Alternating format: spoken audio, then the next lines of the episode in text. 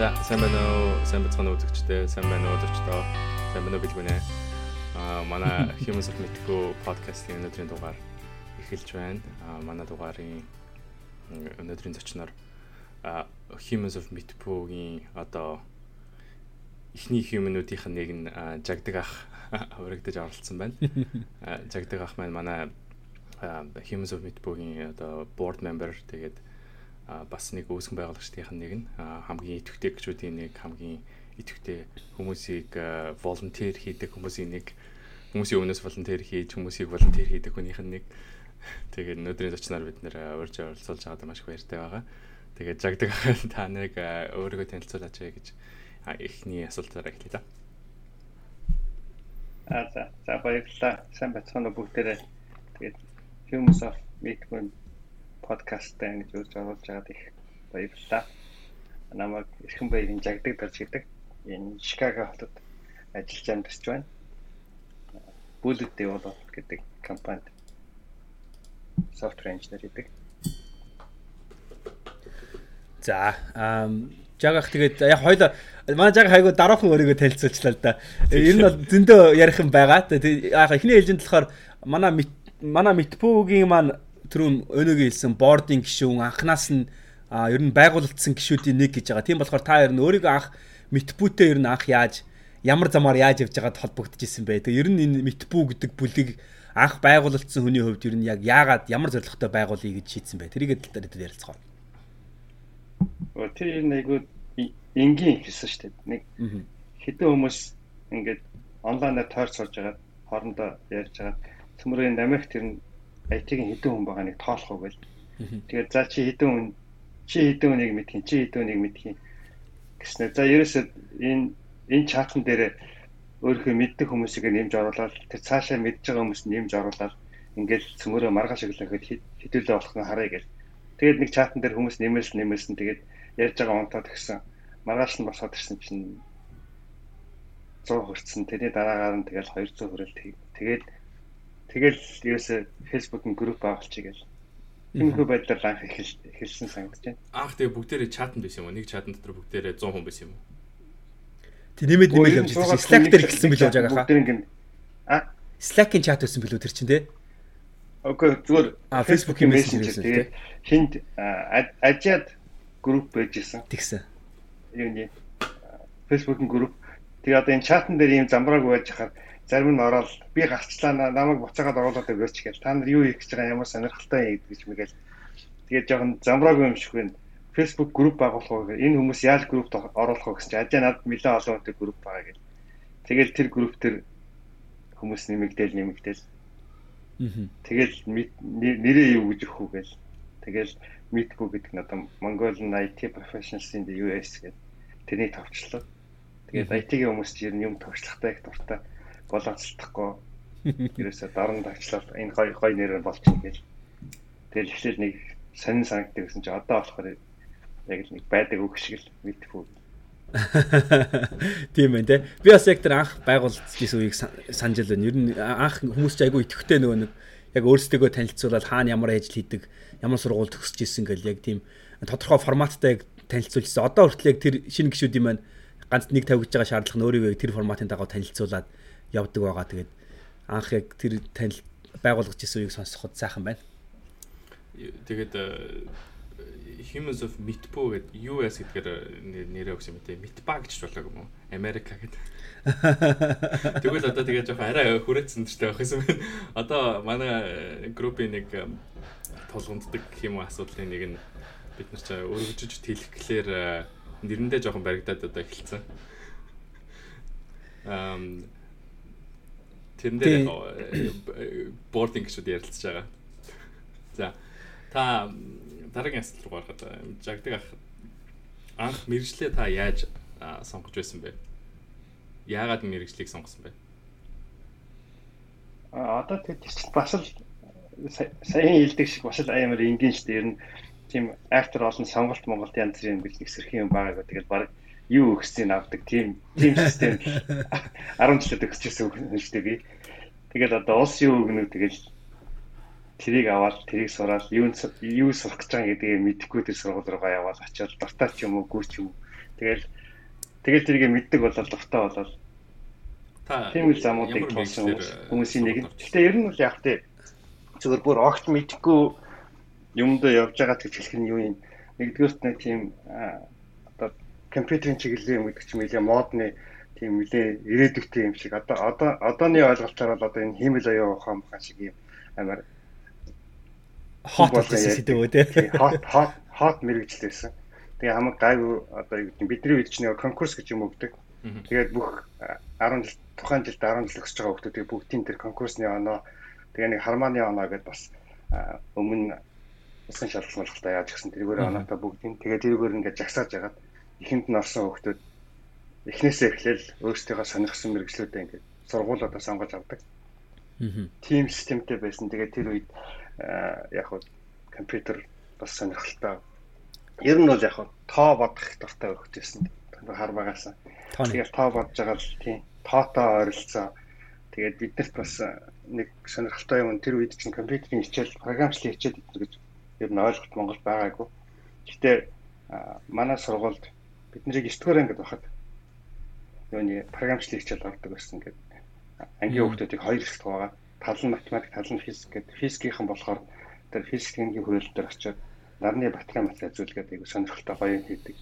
Математикийнхэн жоохон боорон юм шиг тэгээд тэр нь болохоор биднэрт нөө компьютер нь олдохгүй цаасан дээр код бичээд тэрийг учрыг нь ойлгохгүй тэгээд жилжингээ цаасан дээр код бичдэг. Тэгээд тэр юу жагахаа хэдэн он гэсэн үг та ойролцоогоор хэлвэл тэр ч одоо 85 86 он. 85 86 онд. Аа зөв. Тэгэхээр чинь одоо нөгөө нэг юу ямар 86 оны Мексикийн дэлхийн аварга болдог. 100 бид нар математикийн өрөөлөн дээр очиж одоо нэг сар дадлахын ажил хийжсэн. Одоо тэр нөгөө компьютераа нөгөө сурсан юм уу? Анх удаа үзэж байгаа юм тэр. Паскал дээр хэлж байгаа юу те? Basic дээр хийжсэн. Аа basic дээр. Бас basic байсан. Тэгэхээр та цаасан дээр ингэж код бичээд тэгээ тэрийг уншуулаа. Тэгээд одоо ингээд бичиж бэлдэж очисон цаасаа уншуулсан чинь анх удаа ажилласан одоо шууд ажилласан хүн байна. Одоо одоо ихний туршлага ихний үзэл яаж байх байхгүй шүү дээ. Тэгэл ингээд хөвгүүд нь код бичээл октод нь юун дээр киборд дээр оруулаад нэг тиймэрхүү жоохон хуваалтай байсан сан. Тэгээд цаас дээр бичдэг чинь бол 10 жил тэг цаасан дээр бичсэн тэр ч бас гайгүй. Оюутан багт бол бид нэрстэй жинхэнэ цаасан дээр өстэй жирийтэл нь урт урт амар амар юм бичдэг гэсэн шүү дээ. Ягаад тэгэхээр сургуулийн нэг нэг терминалууд олдс багтаа лабууд. Тэгээд ингээд нэг 2 цагийн хугацаатай хичээл орно. Лаб хичээл орно. Тэр хооронд чинь кодо бичээд компьютер ажиллуулна гэхээр гэхээр ингээд группүүд туучихсан. Группүүд чинь хоорондоо терминалаа булаацалтна. Тэгээд суугасаа өмнө угаасаа ингээд тэр чинь айгу удаан удаан процесс ингээд дээр бичдэг. Тэгээд PLI гэдэг pli гэдэг нэг командаар алдаануудын төвөдөг компайл хийх өмнө багхгүй. Тэгэхээр тэр чинь тэр процесс амар уддаг тэр SM 4 гэдэг одоо одооныхнаар бол тэр Японы Wax 11 PDP эднэр гэдэг тэрний орс аналог нөхгүй. Тэр машин дээр ажиллахаар чинь нөгөө пли чинь гацаа алга болчихно. Ер нь нэг хамгийн хурдандаа гарч ирлээ гэхэд нэг 10 минут бол хүлээн Тэгэл 10 минутын дараа нэг цэг орчихсон юм уу нэг таслал буруу болох юм бол тэгээд тийч аа л да. Тэгэл тэгэл нөгөөтгөө засаад дахиад 10 минут хүлээн тэгтэл засахтаа аваачаад өөр газар аваачаад засчихин тэгээд тэгээд нөгөө лайн лайн лайнер нийдэт юм кодо одоо нэг шиг ингээд бүтнээр нь лгсэн дээр харна гэсэн ойлголт байхгүй шүү дээ. Өө энэ одоо хэд юм. За 15 дугаар лайн дээр цэг байх юм шиг байна. Алив гэл тэгэл 15 дугаар лайн дээр орч тэгээд одоо тэд характерын цэгийг арилгах юм уу тэд битэрийн цэг нэм мэднэ гэдэг ингээд команд өгдөг. Тэгж л програмч одоо хийж сурж байгаа. Тэгэхээр чинь бол эхлээд цаасан дээр өнөөхөө зүг бичсэн баг хэрэгтэй тий. Цаасан дээр зүг бичсэн ямар ч синтекс алдаагүй оруулах юм бол тэгээ дахин дахин 15 минут алдаад ахгүй. Тэгэл 45 минутанд багтаагаад код ажиллуулах юм бол тэгэл тэр групп чинь анзаарчлаа гэсэн үг. За тэгвэл жагаах тэгвэл ер нь бас азтай яг тухайн үед 10 жилдээ одоо програмчлал биччихсэн цөөхөн хүүхдүүдийн нэг ер нь ер юм байна гэж бодлоо. Тэгээд тэг их сургууль орохдоо та хаана орж исэн бэ их сургууль? Энд тэтгэлэг аваад яасан гэсэн энд сурж Монгол сурж исэн үү эсвэл ер нь гадагшаа явж сурж исэн үү? Орос сурж. А Оросд Новосибирск сурсан. Тэгээд намайг явахт чинь зөвлөлт зөвлөлт холбоод бас яваад төгсөхдөө Оросоор зөвлөлт нь баахгүй болоод Орос төгссөн дээ. Аа тийм үү. Тийм бидний сурсан сургууль чинь бас тэгээд бас л азтай гэх юм уу. Ер нь яг тухайн тухайн цаг үедээ бол ер нь одоо социалист блокийн хамгийн технологийн тэргүүлэх сургуулиудын нэг л дээ. Новосибирск ер нь тэргээрийг алдартай. Новосибирскийн Актим Городок тэгээд манай нефти гэж сургууль эднэр чи ер нь баруун төртөл алдартай. Тэгээд ингээд уунгөр төгссөн уунгөр пош хүүхдүүд манай сургууль төгсгөрөө ер нь Канада, Америк руу яваад шууд ажилд орцдог. Тэгээд германууд болохоор шууд германд бас ажил нь бэлэн байж. Тийм Тэгвэл энэ чинь жаагийнхаа нөгөө хин Баадрах Борчлоо их хэдрийн төгссөн бас сургууль уу те? Нэг адилхан сургууль яриад.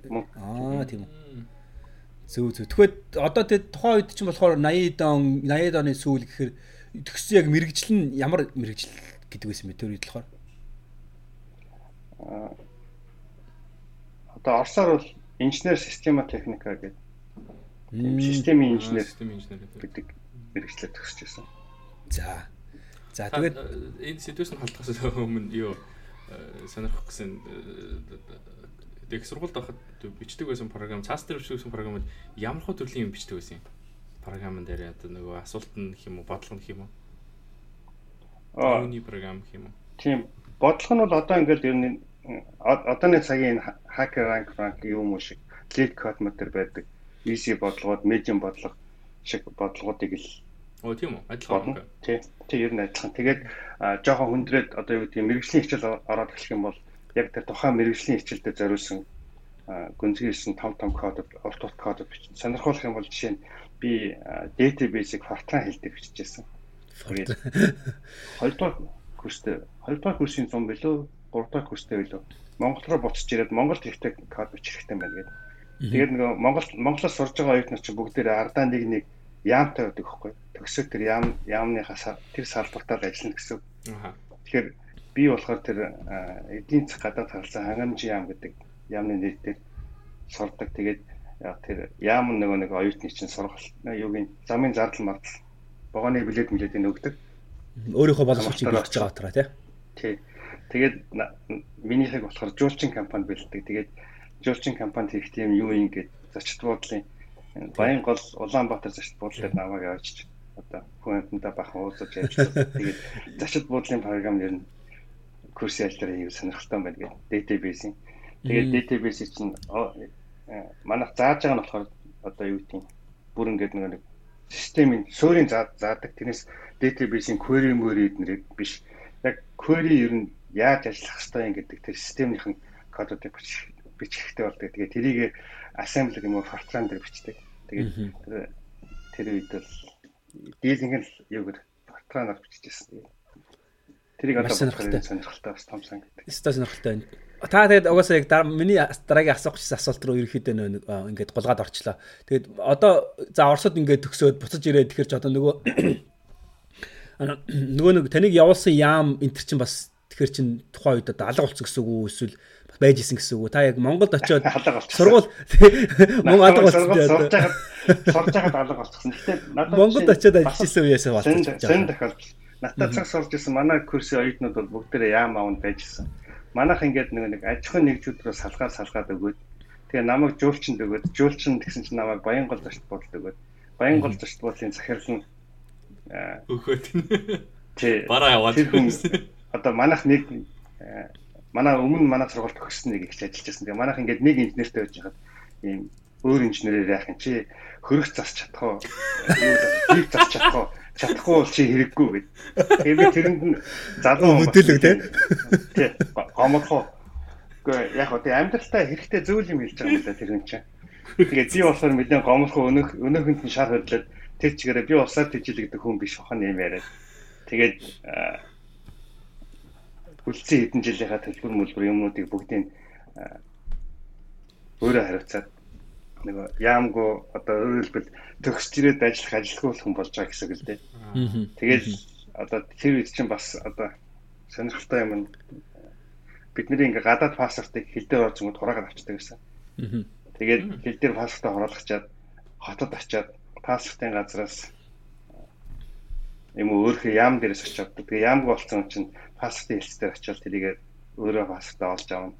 Гэх мэтлэн ингээд айгүй олон юмнуудыг өөрөө нүүр нүүр тулж ингэж проблем шийдэж тий. Аа. Тийм амьдралын сургууль сурсан байт юм лээ. Тийм би нөгөө нэг шилжилтийн үед хүмүүс гэл зөндөө олон хүмүүсийн 8-нд явж исэн, тим хийж исэн үеийг сонсч байсан болохоос манай яг программистуудын программистуудын бас яг шилжилтийн үеийг дуулж даван туулж исэн тухай ерөөсөө сонсож байгааг байхгүй. Яг ахаас бараг анх удаа л ингэ сонсч ирсэн сонирхолтой байна л да. Наймаа ганцаг манцаг чи явсаа явсан. Таны наймаа ганцагтай юу байсан? Компьютер байсан уу? Тэгээд Яа л чи тухайн үед зарагдсан компьютер болсон шүү дээ. Аа тэгсэн. Аа тийм үү. За тэгээд одоо Монгол очиж тэгээд та өсөө ер нь хэд за тэгээд ер нь усаар тижээлэхгүйгээд тэгээд тэгсэн тэгээд сургуулаа төгсөж ирээд хаана ажилд орж ирсэн байж байгаа хаа?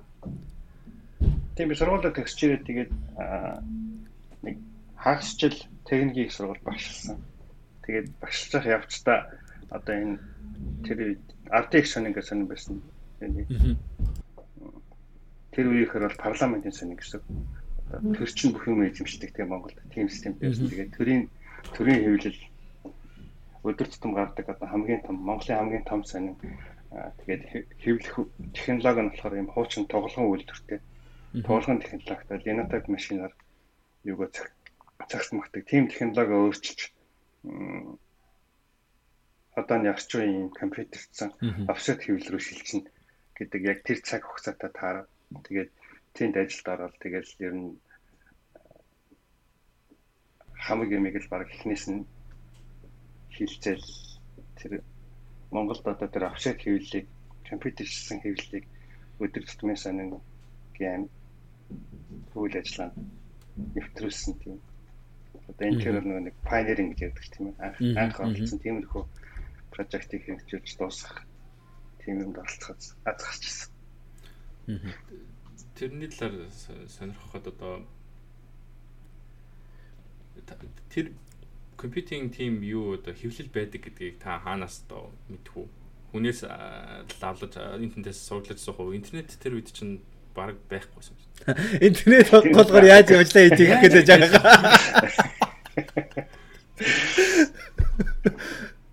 За хариулж тэж байгаа хаа. Тэгээд угаасаа нөгөө нэг улс улс өөрөө ингээд хөгжил дагаад ингээд бусад улсуудад хөгжиж байгаа технологиг Монголд оруулж нэвтрүүлж оруулж ирэх хэрэгтэй байна гэдэг дүгнэлтээ хийчихсэн. юу хийх ёстой бэ гэдэг том шийдвэрээ гаргачихсан. Мэргэжлийн хүмүүсээ нэлээ фитнес бодоод бэлдээл тэд нар бид нар байсан баг л та. Тэгэл яг цаг хугацаанд ирээл технологиор одоо судлах, суралцуулах юм гаргаж ирээл. Тэгээд жий чинь ингээл өөр хэвлэлийн газруудаас нүдэрээ очиж үзэх. Тэгээ бас ном хэвлэл янз бүрийн юм гэж юм байхгүй. Тэгээд солонгосын Дон Айлбо гэдэг сонин дээр би нэг 2 сар очиж ирсэн. Хятадын сонин дээр бас нэг хэд хэдэн удаа 7 3-аас 7 хоног очиж ирсэн. Тэгээд тэдний хэвлэлийн процесс юу хийж байгаа, яаж байгаа гэдгийг очиж ингэж судалж сурж байгаа гэсэн. Тэгэл нүдэрээ хараад аа ийм ингэж хийдэг юм байна. За тэрийг тэгвэл яаж Монголд яаж хэрэгжүүлэх хэвтэй. Өөх ингээл бичин гүтэл шууд юу яачих юм байна эднэр гээд одоо хэвлэлийн технологийн чиглэлээс нь бол надад бол цоо шин мэдэхгүй зүйл шүү дээ. Би болохоор нэг програм бичих юм мэднэ, компьютер яаж ажиллаж байгааг мэднэ. Тэгээд дээр нь нөгөө Монгол дөнгөж ингээд намайг төгсөөд ирж явах үед бас офшет хийвэл одоо үе үе хаяа хаяа нэг нэг дугаар гардаг. Хэвлэлүүд энэ үнэн сони эднэр бол офшетээр бэлддэг, компьютерээр бэлддэг. Тэр нь тэгээд нөгөө нэг доосын Ventura гэдэг програм хэрэглэдэг гэсэн. Тэгээд би болохоор бол яг тухайн үедээ тэр тэр технологиудыг бол одоо хацрагцсан юм байна. Ийм юм бол ерөөсөө хийхгүй. Одоо яг л шилдэг сонингийн газрууд ямар технологи хэрэглэдэг тийм юм нэвтрүүлэх хэрэгтэй. Нэгэнт Монгол байхгүй гэж байгаа бол байхгүй юм хий гэдэг бодлого барьж тэгээд тэрийг одоо юу гэдэг юм дарга нар сонин төр засаг маск нөхцөл айгүй зөв итгэвтэй сайн дэмждэг гэсэн. Тэгээд юу сурах хэрэгтэй байдгийг хүмүүст юу сурах хэрэгтэй байдгийг гэдгийг бүгдийн планинг хийгээл төлөвлөл тэгэл компьютер одоо их бэлтгэл ажиллагаа хүртэл гэж нэг нэг компьютер дээр хийхгүй шууд компьютерийн сүлжээн дээр хийх хэрэгтэй. Аа тэгээд одоо ингээд сонин сонин бичээс нартай байсан байхгүй юу? хуучин бол бичгийн машин дээр бичээч нар нэг юугээ бичдэг. Тэнгүүд бүх бичээс нэрийг оператор болгоод нэг өдрийн дотор бүх бичгийн машин хураагаад оронд нь компьютер тавьж өгöl. Тэгэл тэр хүмүүс компьютерыг чинь хүссэн ч хүсээгүй ч тэгэл сурж байгаа. Харин амар хурдан сурцгаасан. Тэгээ хэвлэлийн макет хийдэг хүмүүс ингээд цаасан дээр зурдаг байсан. Тэрийг нь бас болиулаад маа энэ компьютер чи энэ байна ингээд сураад энийг ингээд эвлүүлээд пакет хийнэ.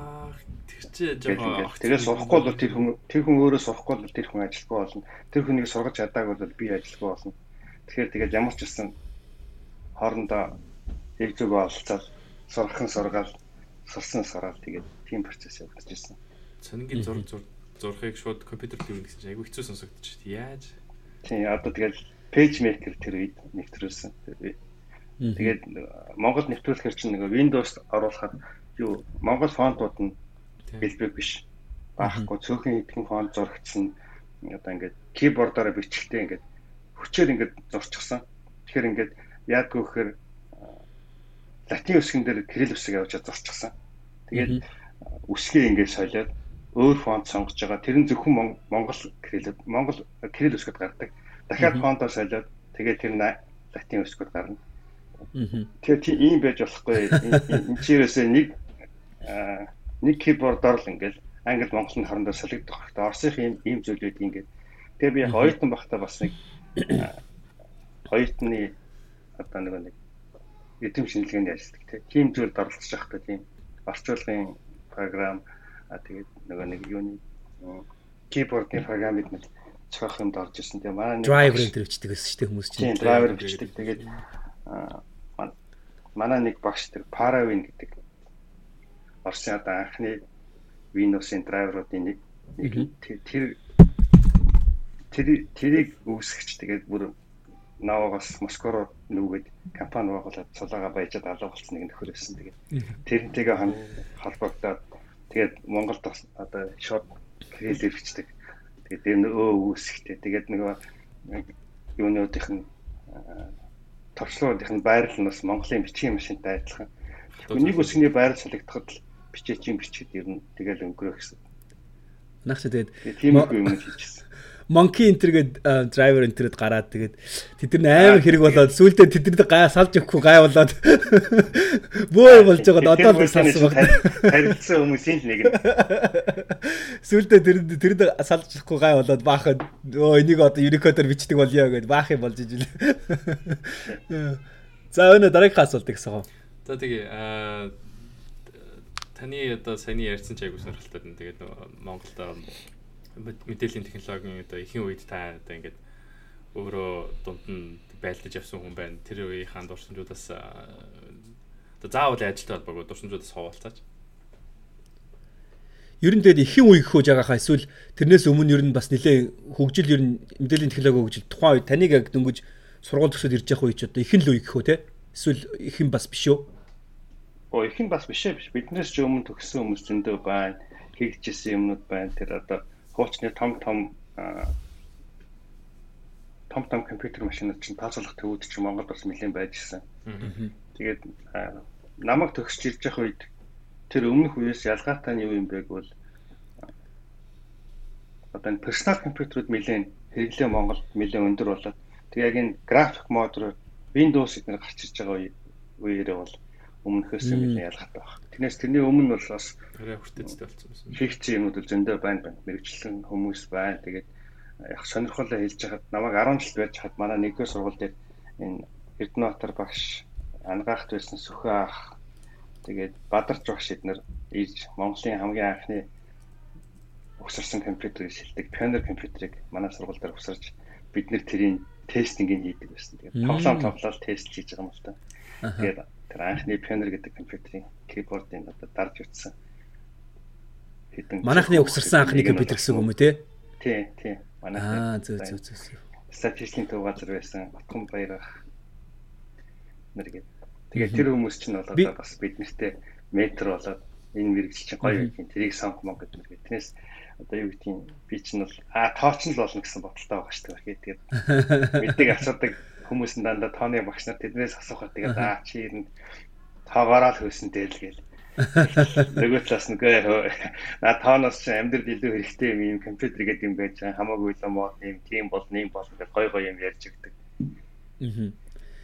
Би бас 11 төгсөжсэн л та. Манай 11 болохоор бид нар сая өнөө нэг таны үед цаасан дээр програмчдаг айгу гайхалаа. Би чинь бид нар чи 10 жил баг 5 6 мураад багт мэдээлэл зүй хичээл орно. Мэдээлэл зүй дээр яг манай 11 болохоор компьютертэй л да. Тэгтээ нөгөө тэр чин дандаа лаборатори орохгүй дандаа цаасан дээр бас тэгэл жижиг гэн нөгөө анхны тоо олмол гэсэн тийм бодлогууд чинь хүүхдүүд боддог байхгүй цаасан дээр л бичин тэгээд тэгээд компьютерга лабораторид орохоо нэг юм пэйж одоогийн энэ пэйж шиг пэйж шиг юу гэхээр компьютер гэл тэгээд тэгээд надад ингээ харахаар би чинь тэр чинь хүүхд ингээ персонал компьютер мэдэн тэгээд харахаар ерөөс нэг компьютер шиг харагдахгүй энэ чинь нэг пэйж шиг л харагдаад яаж компьютер байд юм гэл яг тэгдэг байж лээ баахан дээр үе тийм тийм янз янзын компьютеруд байдаг байсан тэгээд тэн дээр яг бид нар Windows дээр мэдээж бичин гэхдээ бас нөгөө DOS MOS дээр бид нар бас юм бичилж манай багш нар бичилж лээсэн яг тухайн дээр үеийн сүлдсэн юмуд бас байдаг байсан шүү За тэгээд наач гоё юм шүү дээ. Тийм манайх чи мэдээллийн зэхэд мэдээлэл зүү гэдэг чинь баг 5 билүү 6-аас ч илүү ордог. Тэгээ олимпиад идэртугаас хүүхдүүд гадагшаа батагшаа явдаг тийм. Нилээ бас жигдэрсэн байсан. Үгүй манай их сайхан гэж багш. Аа их сайхан байсан. Тийм. Сүүлдээ гараа авцсан өөр багш болсон л да. Тийм. Тэгээд за тэгээд тэгээд Монгол тэгээд ерөнхийдөө тэгж явж байгаа. За тэгээд жагах Америк төрөөд ирсэн тийм. Тэгээд ерөнхийдөө та одоо би энэ манай энэ подкастыг сонсож байгаа ер нь үзэж байгаа хүмүүс бас нэг яхаа бүгдэнд нэг нэг мэдээлэл зүгээр хүргэх гээд байгаа нь болохоор ер нь Америкт хүмүүс бас яаж ирээд вэ? Ирээд яаж мэдээлэл одоо ажиллаар мэрэгчлэр яг ажилд ороод байна. Тэрийг бас жоохон хүмүүс ийм аль болох олон хувилбараар нь сонсохыг гэсэн бодолтой байгаа. Та одоо ер нь за яг Америкт анх ирж исэн үеэ хуваалцаад ер нь яг ямар шуумаар яаж ирж ив? За тэгээд тэгээд тэгээд цаашаа ерөөхдөө ажилд яаж орж ив? Тэгээд тэрийг эхлээд ярих уу. Ер нь эхлээд яг Америкт яг яагаад ирэхээр болсон ямар замаар ямар шугамар ч юм уу ирж исэн бэ гэдгээ хүмүүс сонирхол бол Тэчээд бас мүлээ эртний баг мартцсан юм асаа гэж. За тэгэл сэргээж дэж байгааха. Мартчих гэж таа байхгүй л да байж л байгаа л да цааш. Тий ер нь хамаг анх явж байгаач бас л бас л хөвгчлээ. Бас л нэг тийм тохиолдлын баяртай. Манай гэр бүлийн хүн оюутан болоод төрөлөө явчихсан. Тэгээд би тэгээ бас хоёр хүүхэдтэй манай хүүхдүүд баг басна л да. Тэгээд Монгол байж байгаа. За за Америкийн нэг жоох очоо үзчихье. Тэгээ нэг хүүхд мөхтэй бас боломжийн гайвуу газар ахын бол нэг нь ээж дээр нүлдэж байгаа нөгөөтг нь бас буц дагуулж ирээд тэгээд нэг тиймэрхүү бодолтой эхлээд анх ирж исэн. Тэгээд намайг хүмүүс тоглоом мэдээ чи одоо юу гэж тийм сонин явахгүй махгүй гэдгийг тэгээд манай найзууд цуг ажилтдаг хүмүүс нар тэгж тоглоом хийдэг. Тэр нь яг явахгүй гэж байгаа нэг тийм Монгол зангалаа хайртай тусдан бортадаас биш. Зүгээр хийж байгаа ажил амар их байсан тийм. Тэгээд би нэг хамтаа ихээсээ гараад дараагаар нь өөрөө нэг хувийн компани байгуулсан. Тэгээд яг тухайн тэр моменттой бол тэр бас нэлээд амжилттай одоо Монголын IT-ийн топ 5 бизнесийн нэг нь ямар нэртэй компани байсан гэж байгаа Аргамах Systems гэдэг компани байсан. Тэгээд Аргамах NDP-гийн тодорхойлолтоор топ 5-д нь ордог тийм бас яг ирээдүйд гоё бизнес дээр байжсэн болохоор ер нь завгүй тэгээд тэгэл явхад за за гясны 3 сар явчаад ирээ гэсэн хурж ирэл. Одоо уцаж явахгүй бол тийм л нөхөр байгаа юм. Тийм гэхдээ ер нь жагааха би миний анзаарсан юм. Би ингээд энэ одоо митбүгийн хүмүүстэй ингээл ярилцахаар яг Америкт ирж исэн шалтгаануудыг ингээ ярилцахаар. Ер нь нэг удчи гэсэн хүн айгу цөөхөн баг байхгүй ч юм байл. Ер нь бүгдээрээ л яг Монголд ч гэсэн ерөөхдөө ажил амьдрал нь айгу дажгүй байгаа. Тэгэл за юудс нэг Америк явж үзье. Нэг юудс нэг ямар хуу газар байна харчаад ирэх гэсэн. Тийм бодолтой ер нь хүмүүс байд юм билээ. Яг тэрнээс ч нөө нэг Монголд айгу хэцүү өн ер нь боли гадагшаа гарыг гэсэн тэгж яг ирсэн тийм хүмүүст ер нь айгу цөөхөн баг таараагүй шахам гэх юм уу миний хувьд. Тийм юм билээ. Тэгээд тэгэд за тэгэж байгаа айгу амжилттай бизнестэй байж байгаа. За юудс нэг хэдэн сар болчиход ийц үзээд хийгээ. Тэгээ за тэгээд одоо ингээ байж гин гэж юм. Тэгээд ер нь та ирээд тэгээд яасан шууд та одоо ерөөсөө чи виз миз гээл баахан асуудал байна. Шууд ажил мэрэгчлэр ажилд ороход хэцүү. Тэгээд ер нь хэр удаж иж мэрэгчлэр ажилдаа орж исэн бэ. Тэгээд анх тэгээд интервью бэлдээд тэр үед ер нь ажилд ороход ямар хөө байсан бэ? Тэрийг нэг хуваалцчих. Тэр чинь Монгол интер гэсэн хүмүүсийн мэдж байгаа ч гэсэн цөөхөн. Одоо ч гэсэн цөөхөн л дээ. Гэхдээ ерөөхдөө тэр сэтгэлээсээ хуваалцаж байгаа. Тэр үед бас хэдэн он авцаа. Чи ажилд 2000 онд Тэгэхээр тэр үед би ч 99 онд ирээд тэгээд яг нэг удаа ч юм байна шууд. Эхний 3 сар бол тэгээд нөгөө 3 сар байна гэсэн хугацаанд тэгээд байгаад байж байгаа. Тэгээд тэр хооронд ус чинь нөгөө нэг ажиллах зөвшөөрөл гэдэг юм хүрээд ирж байгаа юм. Тэгээд яг эхлээд явахдаа тийм ерөөсө бодоагүй байжсан чинь тэгээд дээр нь одоо яг Монголд бас нэлээд тийм ажил төлөвлөлтөөр энд ирчээд гэсэн тэгэл байн гоц моцоор одоо яахаа чат матаар холбогдоод нөгөө ажиллаа жоох хий. Тэгээ байж Монголд нөгөө олж байгаа ажилчин бүтэж байгаа. Тэгээ тэргээр олдож байгаа мөнгө нь энэхийн амжилгааны зардалт бол ер нь хаамж өрөхгүй л дээ. Тэгээд за за одоо нэгэнт ингээд тэг чинь энд байж байгаа хүмүүс найз танилуд найзууд хэлж байгаа. Хөөчөө одоо ингээд ажлын зөвшөөрөлт юм гэж ямар сайн тэгвэл наатахад надад өгчих зөвшөөрлөө өгчих өчигдэг одоо ичээр тэгвэл чи аваараа би буцах байгаа. Санаа амар нийтээ хөгжөлтэй юмуд бол болоод яригдал байж идэгсэн тэгээд ажлын зөвшөөрөл хөрөөд ирчихэр чинь за за юу ч хамаагүй бас нэг жоохон хэдэн төр олоод янз бүрийн ажил хийж ажил хийгээд одоо явах хэрэгтэй юм байна гэж бодогдоо тэгээд нэгэнд зөвшөөрөлт олцсон чинь энэ тэнд ажил хаагаад ажилд ороод янз бүр юм хийгээд тэгээд тэр нь одоо тэр тэр үед одоо ажилд авдаг механизм юу гэдэг юм зарчим бол одоо хүмүүсийг ажилд авч байхдаа яг л адилхан байна. Өөрчлөгдсөн юм байхгүй яг хоо зарим нэг юмуд нь цаг хугацаа технологид агаад өөрчлөгдөж байгаа ч гэсэн яг ерөнхий зарчим бол ер нь одоо нэгтэй адилхан тий. Интервью процесс процессыг бүгд л яг л одоо гэж байна дараалсан интервьюд орно. Тэгэл хүн одоо яг би одоо ингээд энд хэдэн жил ажиллаж байгаа хугацаанд ер нь анх ажилд орохдоо ч тэр дараагаар нь ажиллаа солихдоо ажил дотроо позишныг солихдоо ч гэсэн дандаа тийм нэг л юм надад дандаа юу хамгийн нөлөөтэй хэрэгтэй байдаг ус. Тэр нь дандаа хүний одоо нэг реферал те. Дандаа одоо хүний human network л дандаа тасалдаг ус. Хүн ажилд оруулж өгч ирсэн, хүн ажил солиход тусалж өгч ирсэн. Тэрнээс ингээд өөрөө бас нэг сонирхоод ингээд интру ментрүнд явж ороод таалагдаад ажилдаа болсон юм надад байдаг. Дандаа ихэвчлэн нэг танд хүн хөө энэ чи нэг юм хийгээд өцгөө энийг чи нэг оролт ач гэдэг юм эсвэл оо энэ хүнийг ажилд авчвал энэ хүн яг энийг хийж чадна гэсэн тийм хүмүүсийн л оролцоотой болоод ажилд авсан гэдэг. Тэр нь Америкийг одоо хүртэл ингээ харж байхад ер нь яг тэр үл нэг реферал гэдэг юм амар хүчтэй байдаг. Тэгээд тэрний л бодит жишээ юм да. Аха. Зөв зөв. Тийм одоо реферал ч одоо ч зөвчтэй ер нь манай одоо би одоо шинэ компаниг мэдгүй хуучин компани гэхэд чинь л ерөнхийдөө баг 30 хэдэн рефералаар ордог гэж хэлсэн үү?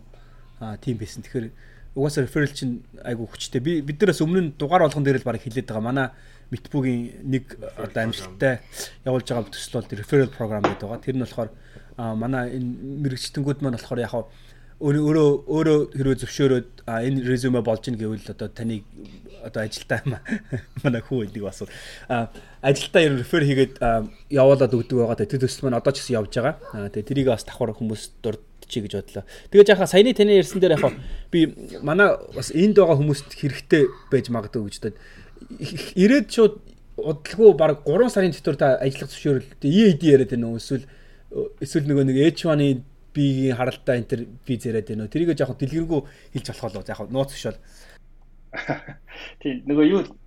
J2 гэдэг үйл л дээ. Аа нөгөө компаниас хамааралтай тий? Тий тий спонсортой. Одоо суралцж байгаа оюутан өөрөө спонсортой. Тэгэхээр тэр гэр бүлийнх нь хүмүүс нь ажиллаа ажлыг зөвшөөрөлтэй гэдэг. Тэгэхээр ерөнхийдөө бол одоо тэр үед чинь мэдхгүй ингээ хурж ирчихэл хөөх ажлын зөвшөөрөл олддог юм байна гэл. Тэгээд тухайн тухайн моментт нь шийдвэрээ гаргаа явж байгаа. Тэгээд одоо байсан бол юм эсвэл тэрнээс хойш ингээд миний хүмүүст өгдөг зөвлөгөө нь болохоор чинь J вижтэй хүн байх юм бол гэр бүлийнх нь хүн ирэхээсээ өмнө ажлынхаа зөвшөөрлийг хөөцөлдөг. Яг л бууж ирэхэд зөвшөөрөл нь бэлэн орох ажил нь бэлэн байхаар зохицуулж тийм илүү смарт байх юм бол амьдрал илүү хэрэгтэй. Тэгэхээр миний хувьд бол анх эрэхтэй бол яг хөө J2 гэжтэй байсан болохоор ажлын зөвшөөрөл шууд олж ирсэн.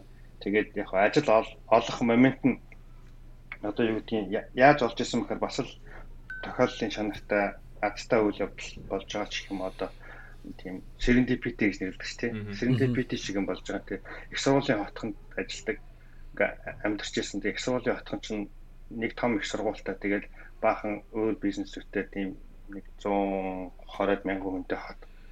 Тэгээд тэнд ажлын байр тийм элбэг олдохгүй. Тэгээд хүмүүс ажилд авахтай хүртэл ингээ айгүй их тийм одоо монголоор бол нэг нутгах нутгах нь гэдэг шиг тий хүн хүн л ер нь дагуулж идэл.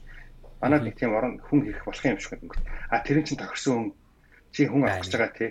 Чи 2 сарын дараа авах гэж байгаа хүний чинь энэ үнтэй чинийг яриад үз ингээд үз эднэр гэл ингээд хүн дагуулж ирдэг. Ер нь тэгээд тэр жижигхэн хотын чинь бие биенийгээ ингээд жоохон мэддэг. Тийм хүмүүс болцсон байдаг. Тийм юм дотор ороод ингээд тэгээд нөгөө нэг хүүхдээ цэцэрлэгт өгöd тэгээд хүүхдийн цэцэрлэгч юм бас нэлээд төлбөртэй Тэгээ яг Монголд нөгөө нэг бизнес хийжсэн сэтгэхүүрээ эхлээл ингээд аа за хүүхдээ хөдөлгөөх чинь ер нь бол тэгэл э, мөнгө зөнгөних проблем биш гэсэн л тиймэрхүү байрсаар бодолтой хиний хэдэн сар жил чинь л явж байгаа юм бол да. Тэгээд нөгөө нөгөө ярьжсэн тэгээ Монголд болж байгаа мөнгө энтхийн амьдралын үетэй хацалгад шал өөр гэдэг. Тэгээд нөгөө хүүхдээ хоёр хүүхд цэцэрлэг төгсчөөд төлбөр нь нэлээд их болоод хаглангууд нь цэцэрлэгийнх нь багш нараас яаж болох вэ? одоо би ингээд ажлын зөвшөөрлөг хүлээж байгаа. Ажилд орчих юм бол өөр болно. Чи юу хийж чадах вэ? Волонтер хийж манай цэцлэг туслах уу? Өөр юу хийж болох вэ гэдэг. Өө тгий танаа энэ вебсайт чи айгу таарах юм шүү дээ. Би энэ вебсайтыг чинь гоё хийгээд. Өө бид нар энэ чинь профешнл хүмүүст мөнгө төлж хийлгүүлдэг шүү. Тэгэх юм бол чи энийг тэр хүмүүстэй яриад энийг хийж чадна гэх юм бол бид нар бас мөнгө хэмнэх юм байна. Тэр хэмжээгээр нь хүүхдээ чинь төлбөрийг бартер дал явчихж байгаа юм шүү дээ. Тэгээд нөгөө юунууд нь профешнл сервис үзүүлдэг компанийнхантай уулзаад ярьсан чинь нөгөө хэд нь болохоор өө бид нар одоо баг ингээд амар их прожект амар их ажилтаа ингээд энэ цэцэрлэгт баг ингээд цаг зав гаргаж чаддгүй юм. Эдгээр ер нь өөрсдөө бол ингээд оюутнуудаа ашиглаад их сургуулийн хажууд хацлаг юм биш. Оюутнуудаа ашиглаад ингээд веб өөрсдөө хийгээ явчих болно болно шүү дээ. Бид нар өхөд амар дуртай байна гэдэг. Тэгээд тэд нар бас нэг яалаа нэг жоохон ярьцлахах юм хийж мийгээд өө энэ хүн чинь энэ веб хийж чадахгүй юм байна гэдэг. Тэгээд тэр вебийн одоо апдейт хийдэг янзлж өгдөг. Тиймэрхүү юм хийж байгаа. Тэгээд тэр цэцэрлэгийн багш нар хаа штэ энэ чи ер нь энийг яаж хийх юм гэсэн энэ компьютер юм хэлээр програмчдын хэл юм уу наа чи хэдэн хэл мэдэх вэ? Нэг 5 6 хэл мэдэх байхаа гэсэн. Хаа гэх. Тэрүүгээр нэг яриа болол. А энд нэг заацаас 5 6 хэлээр ярьдаг хүн ирчлээ гэх. Тэгэл надад ажил хэрэгтэй байгаа гэж чинь баг миний өмнөөс тэд нар чинь ажил хайж өгөх юм шүү. Уцтаал аа манай дээр ястаа нэг хүүхдийн аав нэрсэн 5 6 хэлээр ярьдаг хэвээр галзуу гавл толготой таврах шиг. Тэгээ намайг хамгийн анх Джон Маккими гэдэг дарга ажилд авсан. Тэр одоо хүртэл харилцаатай. Тэгэл тэр одоо хүртэл хей чи нөгөө чиний 8 хэл чи юу болж байна гэдэг. За тэр нь ямар компани байсан бэ жааха? Тэр нь Simco Incorporated гэдэг. Одоо энэ HVAC барилгын air conditioning том том барилгуудын air conditioning төхөөрөмжүүдийг үйлдвэрлэдэг тийм үйлдвэрийн headquarter. Тэгээд чи одоо 2000 онд чинь бас зүгээр өөр салбарын мөртлөө одоо IT department нь юунес жишээ нь IBM-с subcontract хийгээд код бичдэг, тест мэсний хийдэг ажлыг ингээд үндсэн ажлынхаа хажуугаар ингээд хийж чаддаг тийм компаниас. Тэгээ манай тэр дарга өөрөө IBM-д байж байгаа тэтгэвт IBM тэтгэвтэ гарсан. Тийм хүн тэгээд тэндээс контакт хийтэй. Тэгээд тэндээс ингээд одоо IX машинуудын янз бүрийн тестинг хийх, үйлдвэрлэлийн системүүдийн тиймэрхүү прожектуудыг авч хийдэг байгаа. Тэгээд чи 2002 онд намаа нэг ажилд ороод нэг 3 4 жил ажилласны дараа манайх их шинэ компани, шинэ өдөртөө болоод шинэ компани худалдаж аваад тэгээд тийм сайд бизнес ерөөсөө хийхгүй үндсэн бүтээгдэхүүнээр дагна. Тийм үндсэн бүтээгдэхүүн дээр ажиллах хэрэгтэй гэдэг. Тиймэрхүү өөрчлөлтөнд явагдаж байсан дарах чинь IBM refer хийжсэн би таах гэдэг чинь. Тий, IBM тэгээд Google-ийн одоо Gmail анх гарч байхад Gmail-ийн тестингүүдийг бас хийхийг бодолцож байсан. Тэгээд email-тэй холбоотой аягүй юмнууд хийжсэн. Үндсэн ажлынхаа хажуугаар. Ажил дээр гэсэн үг лээ. Тэгээд компанид илүү орлого оруулж гэж байгаа гэсэн. Тэгэхээр нөгөөдөл чинь бас жоохон дуртай. Тэгээд бид нар одоо визч нь англиг сольж өгнө. Хөрчилж өгнө гэл тэгээд нөгөө H1 руу ороод. Тэгээд H1-аа дамжиж авсан грин карт болол. Төрүүн тэр J гэдэг визэн дээр бас ер нь J виз гэхээр ярьд. J виз чинь нөгөө компаниас хамааралтай. Тэгээд яг нэг зүгээр нь бас одоо жишээ нь Монголд хэрвээ та Deloitte-д ч юм уу ажил хийж исэн бол энд ирээд хэрвээ Deloitte-д орохоор болох юм бол шууд нөгөө хэрвээ J гэсэн визний ангил байхгүйсэн ч гэсэн аа Монголд байсан хүнийг шилжүүлж авч байгаа гэдэг утгаар нь тийм виз энэ төр өгч бас болдгол юм байлээ.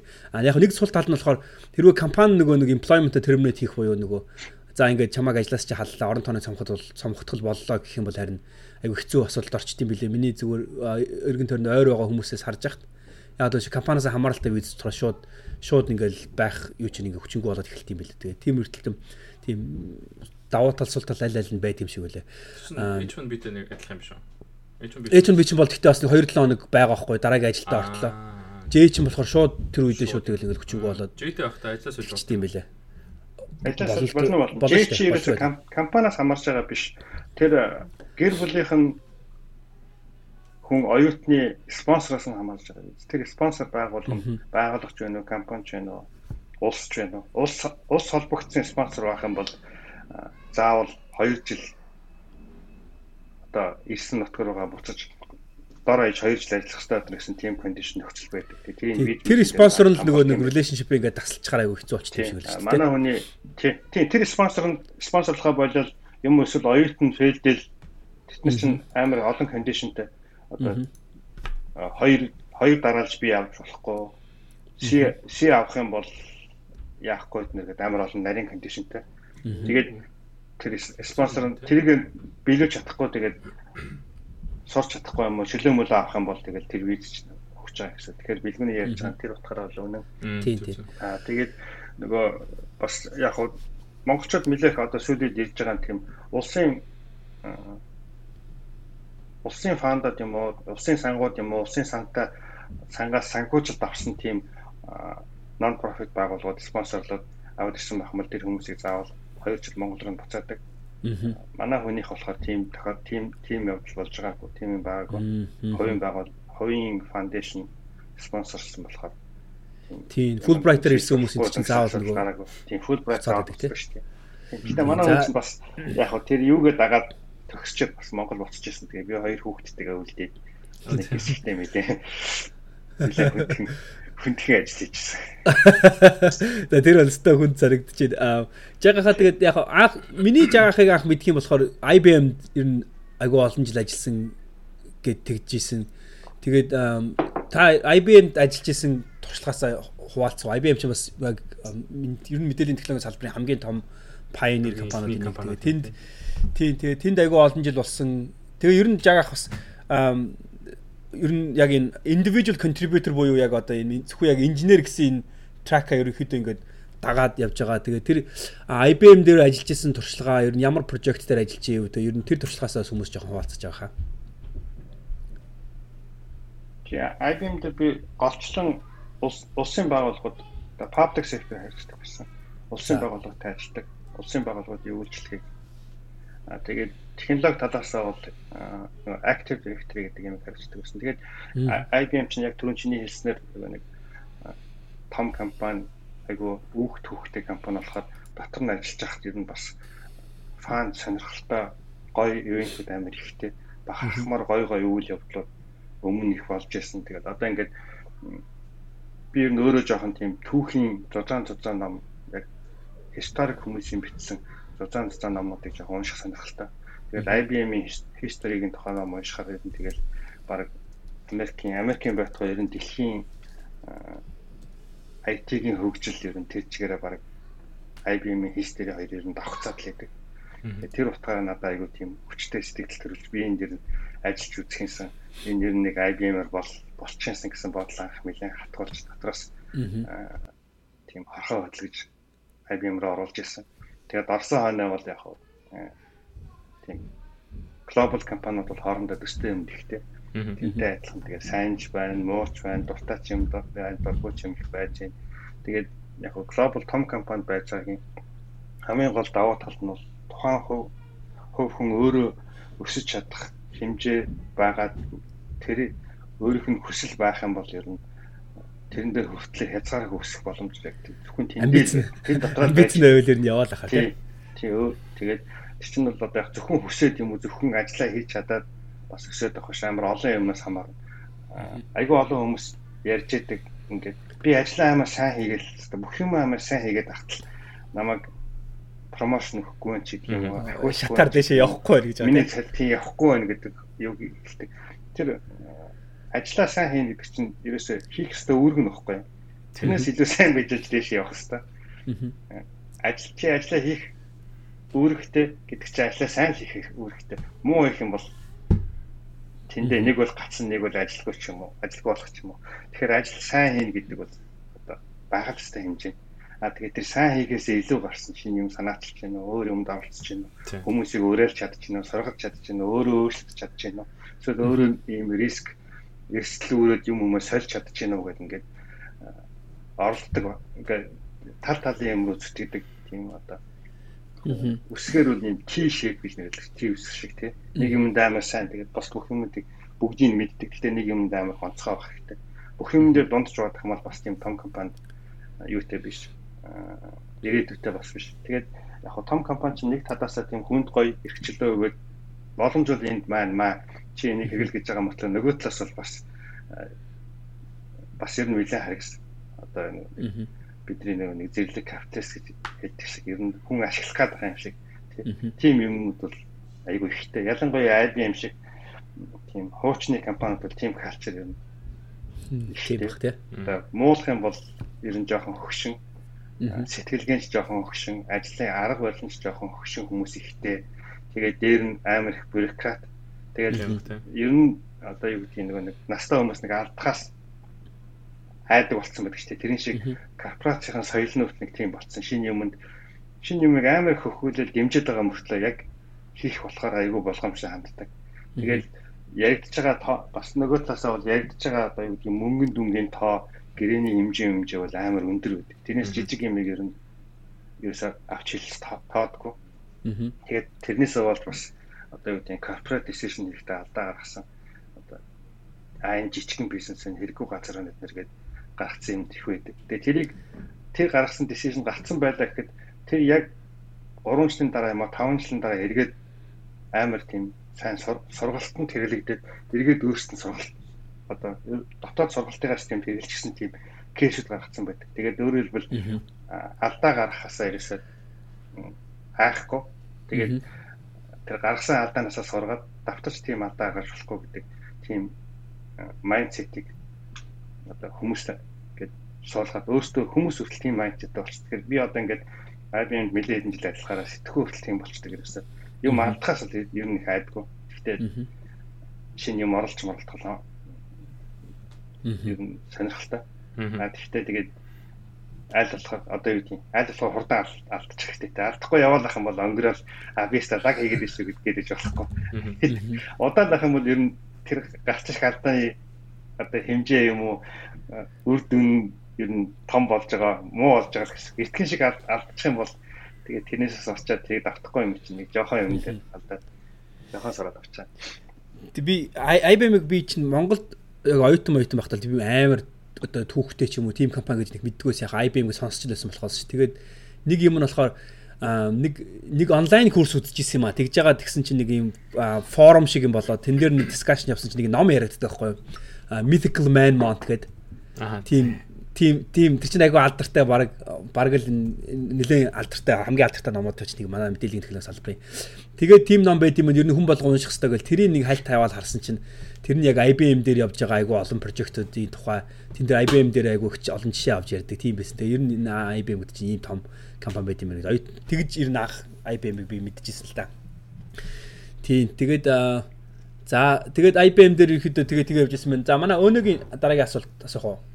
Э, тэгээд гэхдээ жаг хас IBM-ийн нэг төслийн талаар ч юм уу сонсох transition-ээс өмнө та IBM-д ажилладаг байхдаа одоо өөрийнхөө одоо хамгийн одоо proud хүмүүст ярих дуртай прожектуудынхаа нэгнээс э, бидтэй уулзаач. Аа ажлын интервьюнд орж байгаа юм шиг болж шүү дээ. Харин яг интервью асуултаа шүү дээ. Яг юун дээр алдаа хийсэн. Менежтэйгээ яаж ярьсан. Жаа жаага ахтал тэр чинь цээжэр байж байгаа. Тэр тэр айгүй айгүй таатай заяа. Тэд дахид гисэн гисэн гэ. Тэгэхэд яг зүгээр одоо энэ нөгөө митбугийнхаа энэ подкастынхаа хүрээнд тийм бай агуулгатанд тахиулаад тийм нөгөө нэг интервьюний хариулт маягаар биш. Аха Чөлөөтэй ярьж байна. Бид нэр дүгнэлт хийхгүй гэдэг. Тий, ямар нэг одоо юу гэдгийг ажилд авах гэдэг юм уу нэг вест авах гэдэг. Star statement чиг биш тий. биш тий. Амар стратегик, стратегик, тактиктэй үнэс биш. Хариулах юм бол ерөн зүгээр санаанд ингээд мартагдахгүй тийм project моментууд айгүй их байдаг ерөөсөө. Тэгээд өөртөө proud байж байгаа нь би тэр прожектуудаар ажиллаж байснараа ялангуяа алдаа гаргаад юм сураад авснараа. Тэгээд тэрүүгээрээ дамжуулаад хүмүүстэй танилцсанараа би айгүйх бахархаж баярлж байдаг. Тэгээд одоо multi vendor гэдэг одоо олон олон өөр өөр компаниуд нийлж спорт үзүүлдэг. Team project-ууд дээр ажиллаж яснараа би ер нь хамгийн тэндээс хамгийн их юм сурсан байна хамгийн их хүмүүстэй танилцсан байна гэдгээ гэдгээр ер нь их миний өөрт олж авсан хамгийн том одоо олц гэж боддог тийм одоо ингээд нэг спорт сервис үзүүлээд одоо манай клиентаар асуудал гарлаа гэхэд тэр тэр тэр клиентийн десктоптой холбоотой компьютер нь одоо end user-тэй холбоотой асуудал байх юм бол юуныхан Dell-ийн хариуцсан, network-тай холбоотой асуудал байх юм бол AT&T-ийн хариуцсан. Хэрэгжилж байгаа софтвер софтвертэй холбоотой байх юм бол тэр софтверыг нь зохиосон хүн Accenture юм уу, Deloitte юм уу тэднэртэй харьцсан. А тэгээд хэрэгжилж байгаа үйлдвэрлэлийн систем нь одоо Windows ах юм бол Microsoft-ийн орж ирнэ гэх мэтлэн ингээд тэгээд хэрэгжилж байгаа database нь Oracle байвал Oracle-ийн гэх мэтлэн ингээд өөр компани хүмүүс бид нар ингээд өөр компани мөртлөө same team, адилхан team болоод зогтой ажилладаг. Нэг клиент л үйлчлэхийн төлөө. Тэгээд тэгээд сонирхолтой юм нь ингээд яг тэр прожектын хувьд тэр прожект яг эхэлсэн өдрөөс дуусах хүртэл бид нар бүгдээрээ нэг баг, нэг тим хамтдаа ажиллаж байгаа цуг хүмүүс байдаг. А тэрний өмнө юм уу тэр прожект дуусна гэдэг чинь тэр прожект дуусч байгаа ш дараагийн шатанд улсын прожектууд дандаа нөгөө нэг тендер залгаж явж байдаг. Дуусах хугацаа болно гэдэг чинь дараагийн шатных нь эхэллээ гэсэн бүр хаагдаад алга болж байгаа гэсэн биш.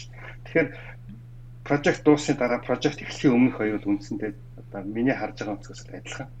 Тэгээд project ажиллаж байгаад нэг тим болж байгаа мөртлөө project-ийн өмнө болохоор бол чинь хоорондоо дайсан шиг ер нь тий мэдээлэл хоорондоо нуунд хоорондоо өрсөлдөг хин хин одоо тэр project-ийн гол тоглогч нь бол тэр project-ийг усаас авах юм бэ. Тэгээд дараагаар нь авахтаа нөгөө нөгөө тоглогч нараа цуг оруулж оролцооч ажил аав. Тэгэхгүй одоо нэг компани бүгдийг нь хэрэгжүүлээд хийчих угаас чадахгүй. Тэр хийж байгаа том прожект одоо юу гэдгийг 30 сая хүнд хүрж байгаа юм уус улсын улсын ажилтны одоо нэг агентлагийн ажилтан гэх чинь нэг 30 мянган хүн байлаа гэхэд 30 мянган хүнд хүрж байгаа прожектыг төстэй чинь хийхин тулд яг л тэр десктопын интелийнх нь юуных нь дээлийнх нь нийлүүлэн тэгэхээр тэд нар тэрийг хариуцах тэд нар тэрийг саппорт хийхдээ илүү сайн байна гэдэг ингээд төрөлцсөн хамгийн бэстүүдийг цуглуулж тэр прожектыг тим болгож авдаг. Тэгэхээр тэрнийгээ дагаад тэр хүмүүстэй цуг ажиллахаас чинь тэр хүмүүсээс ингээд дамжуулаад аа дээл гэдэг чинь ийм компани байт юм байна. Энэ компанийн калчер нь ийм байт юм байна. Хүмүүс нь ингэж юм байна. Хүмүүстэй амралтаар ийм юм өгөхөөр гоё байт юм байна. Аа Microsoft-ийн тэрүүгээрээ кул юм байна гэдэг өөр компаниуд юмуд ингээд ажиллахгүйгээр мэдээд авах боломж гардаг. Тэгэхээр тэр бас айгүй надад гоё байсан. А тэгэхээр би ингээд цуг ажиллаж байгаа яг IBM-д нэг тиймд ажиллаж байгаа нэг нэг багт нэг дор ажиллаж байгаа мөртлөө тийм малти вендор биш зөвхөн өөрсдөө дотоодын юм уус ганцхан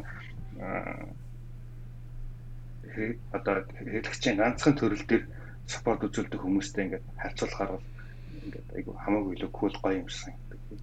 Юу жааха. Би бас яг Америкт ирээд эхний нэг компани гээд дараагийн нэг хоёр дахь компани орж ирсэн компани болохоор яг тийм ер нь federal project-ууд авч хийдэг компани байсан байхгүй юу. Одоо хамгийн алдартай прожект нь одоо нөгөө Head Start гэдэг сургуулийн хөтөлбөр байдаг шүү дээ. Хүүхдүүд нөгөө нэг арай болог байхдаа сургуульд ордог мордог нөгөө юуны орлогын төвчнөөс хамаарат энэ төр тий. Тэрийг манай тэр компани бас бараг 10 жил 20 жил чөлөө хөгжүүлж исэн компани баггүй. Тэгэд э, яг тэр тендер мендер гэж ярьсантай холбогдуулаад би бас яг айгу надад айгу ярмаар юм гэж санагдчихлаа. Ер нь нэг би ч бас анх ороод яг жагаах хэлдэг шиг тийм дунд тэр дунд чинь ингээл айгүй олон өөр өөр компаниудын хүмүүс байна гэдгийг нь ойлгохгүй. Тэнд чинь бас нэг тийм политик байдаг байхгүй айгүй тийм ярих юм байна ярихгүй юм байна те. Би чи ингээл дунд нь аа манахаа ингээл яваад идэг. Тэгээ сүлдээ ингээ анзаараадсэн чи аа эн чинь яг тэр юм байна. Тэр чи өөр юм байна гэх. Тэгээ манайх ингээд бас яг түрүүн жагаах хэлдэг шиг манай тэр компани 20 жил хөгжүүлсэн мөртлөө Сүүлдээ ингээд нөгөө яг яг үндсэн хөгжүүлж байгаа хөгжүүлэгчдийн өөр компаниар гэрээлэл хийлгүүлэлсэн, хийдгүүлэлсэн. Сүүлдээ яг өөрийнх нь компаниас нэг баг би ганцаараа олж таарж байгаа байхгүй юу? Бусд нь бүгдээр яг тэр өөр компани болж байгаа. Тэгэнгუთ тэр 20 жил хөгжүүлсэн прожект алдчихж байгаа байхгүй юу? Тэр нөгөө 20 хүнтэй багийн зөвхөн би ганцаараа болоо бусд нь өөр компани байсан компани тендерт давхар ороод тэр компани буцаагаад шууд авч байгаа байхгүй юу. Нэгдүгээр хоёрдугаар зүгээр тендертэй холбоотой би нэг юм хэлбэр санагдаад байна болохоор энэ бас суралцах юмнууд айгүй ихтэй. Одоо манай тэр компани гэхэд бас 20 хэдэн жил ажиллаж ирсэн 2 3 төслөө алдсан нь болохоор нөгөө нэг тэр төслүүд нь яг жижиг дунд компанид зориулагдсан тендерүүд засгийн газраас яг жижиг дунд компани гэдэг төгсөстэй болж таарад. Тэгсэн манай тэр компани болсон чинь нөгөө жижиг дундаас хальчиж байгаа байхгүй нөгөө чинь цаана та мэдүүлж байгаа татврын хэмжээнээс ингээ 3 жил дараалаад яг танах ер нь жижиг дунд биш дээшээ том гэсэн компанид орохоор татвар такс дээр юм татвараа мэдүүлсэн байна. Тийм болохоор танах одоо энэ төслүүдэд ингээ орох боломжгүй болчлаа гэж тэгж байгаа байхгүй. Тэгээ яг би тэндээс зүгээр ингээл харж исэн юм нь болохоор а энэ ингээл заавал засгийн газраас чинь тендер өгөхдөө ер нь бас заавал том гэлтгүү жижиг дунд компаниудаа яг зөвхөн зориулаад өгдөг байх юм бол ер нь айгүй хөтөмжтэй байд юм байна. Тэр чинь тэгээд Монголын одоо юу шиг тендер шиг ганцхан хийгээл нөгөө хүмүүс нь алга болчдөг энэ төр биш. Заавал чи 3-аас 5 жилээр тендер аавн те 3-аас 5 жилээр трийг хөгжүүлээд байнгын нөгөө яг клиенттайгаа ингээ байнгын хамтарч явна хөгжүүлсэн ойчод өгснөхийн дараа ч гэсэн заавал ингээд экстеншн хийгээд ингээд сунгаад явдаг. Ер нь ер нь яг засгийн газрын тендер төслүүдийг яг тийм болгож өгөх юм бол айгүй тийм аль аль даа айгу хөтөмжтэй нөгөө компани гэсэн 3-аас 5 жил яг өөрсдийн гэсэн хийх юмтай орлоготой болоод ирчихдэг болохоор ер нь айгу суралцмаар юмуд айгу их байд юм байна гэж би яг бодож исэн байхгүй юу суралцмаар гэдэг Монголд байгаа хүмүүс сонсож суралцах гэж байгаа юм уу? Тийм Монголд ер нь одоо засгийн газрын тендер тиймэрхүү юмыг зохион байгуулахад яг тийм суралцмаар юмуд айгу их байд юм бэлээ гэж бодож исэн миний хувьд. За тийм байна. За дараагийн асуулт руу орохоор жагахт одоо Монголд байгаа энд байгаа одоо эсвэл энэ мэрэгжлийг дөнгөж сонгож байгаа хүмүүст өгөх тийм захих зөвлөгөө юу байна? мэрэгчлэр ажиллаж байгаа эсвэл мэрэгжил сонгох гоо сонирхож байгаа хүмүүс манай подкастыг бодвол оюутнууд сонсдог лээлгөө.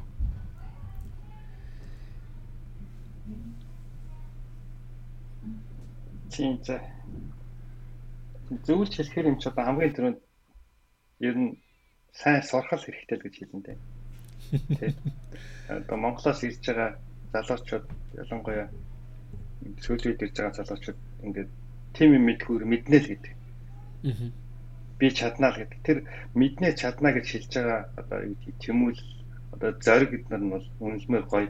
А гэхдээ үнэхээр хинт тэрийг хизээ хэлэх үү? Олон давтан хэлэх юм уу? Эсвэл яг хэрэгтэй цагт нь хэлээд бос үед нь үнэхээр суралцсан тэрийг чаддаг болчоод чадна гэж хэлэх хэрэгтэй юу гэдгийг бодох хэрэгтэй байдаг.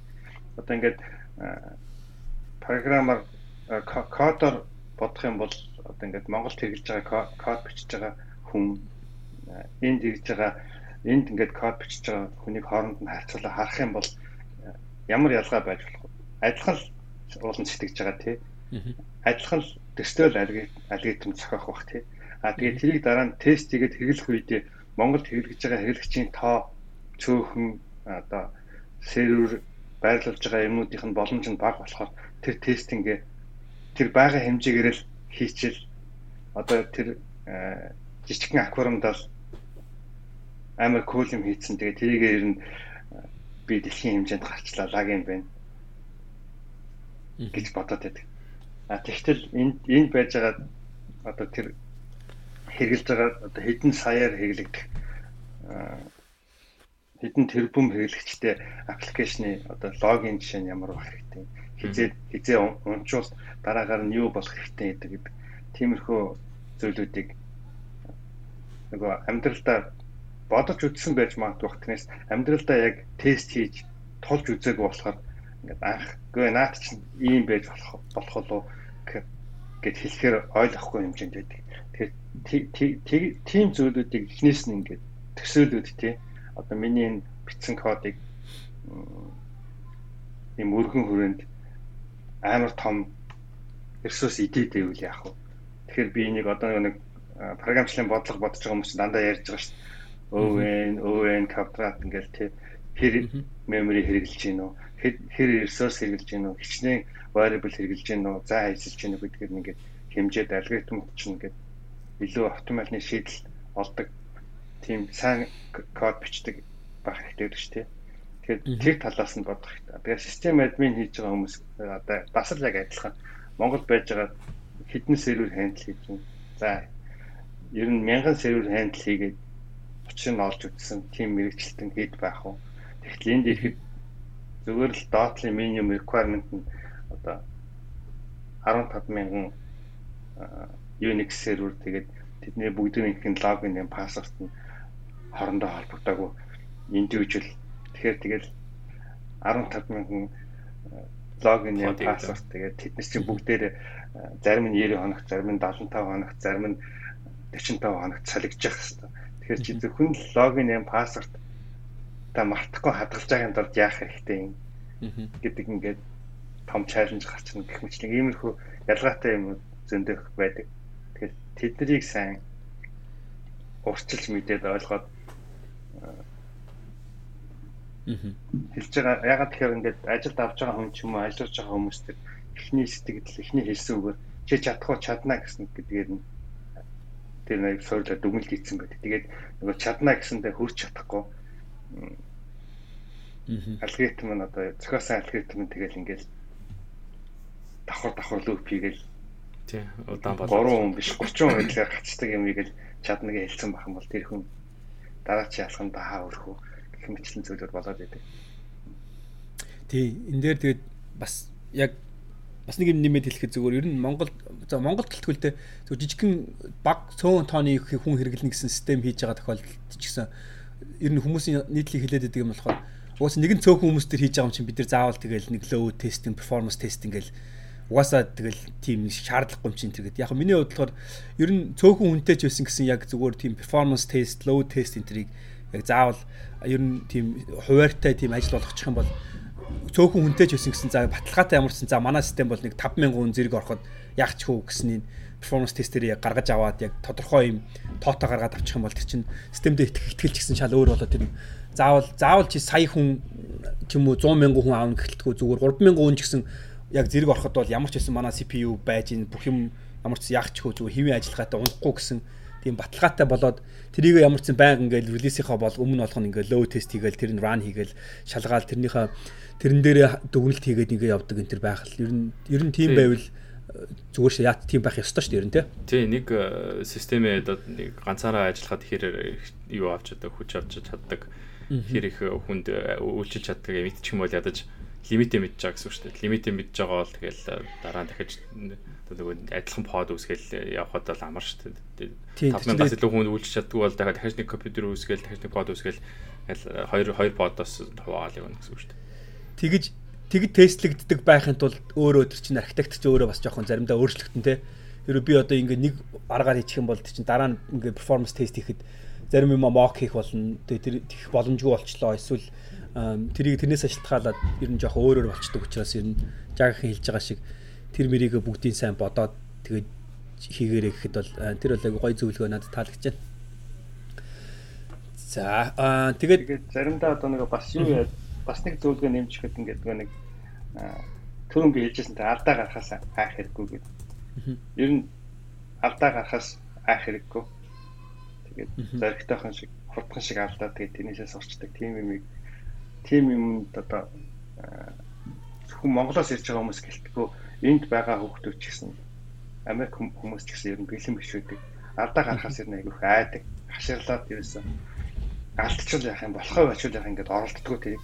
Тэгээ оролдож үзээгүй, хийж үзээгүй туршлага олж аваагүй юм чинь зүгээр одоо онлайн юм уу тэгэл ажиллах хэрэгтэй гэдээ мэдээд байх юм бол энэ хоёр чинь амьдрал дээр амирх зөрдөг. Энэ нэг програмууд хэлдэг юм байна шүү дээ. За одоо л яг ажиллах бах та гэдэг. Тий, одоо л яг ажиллах бах та гэхээр тэгэл ажилтгүй. Эсвэл нөгөө нэг над ингээд зөндөө тохиолдож байсан ингээд одоо юу гэдэг нэг за хамгийн энгийнээр ярихад нэг 35 сервер патч хийж байгаа. Аа.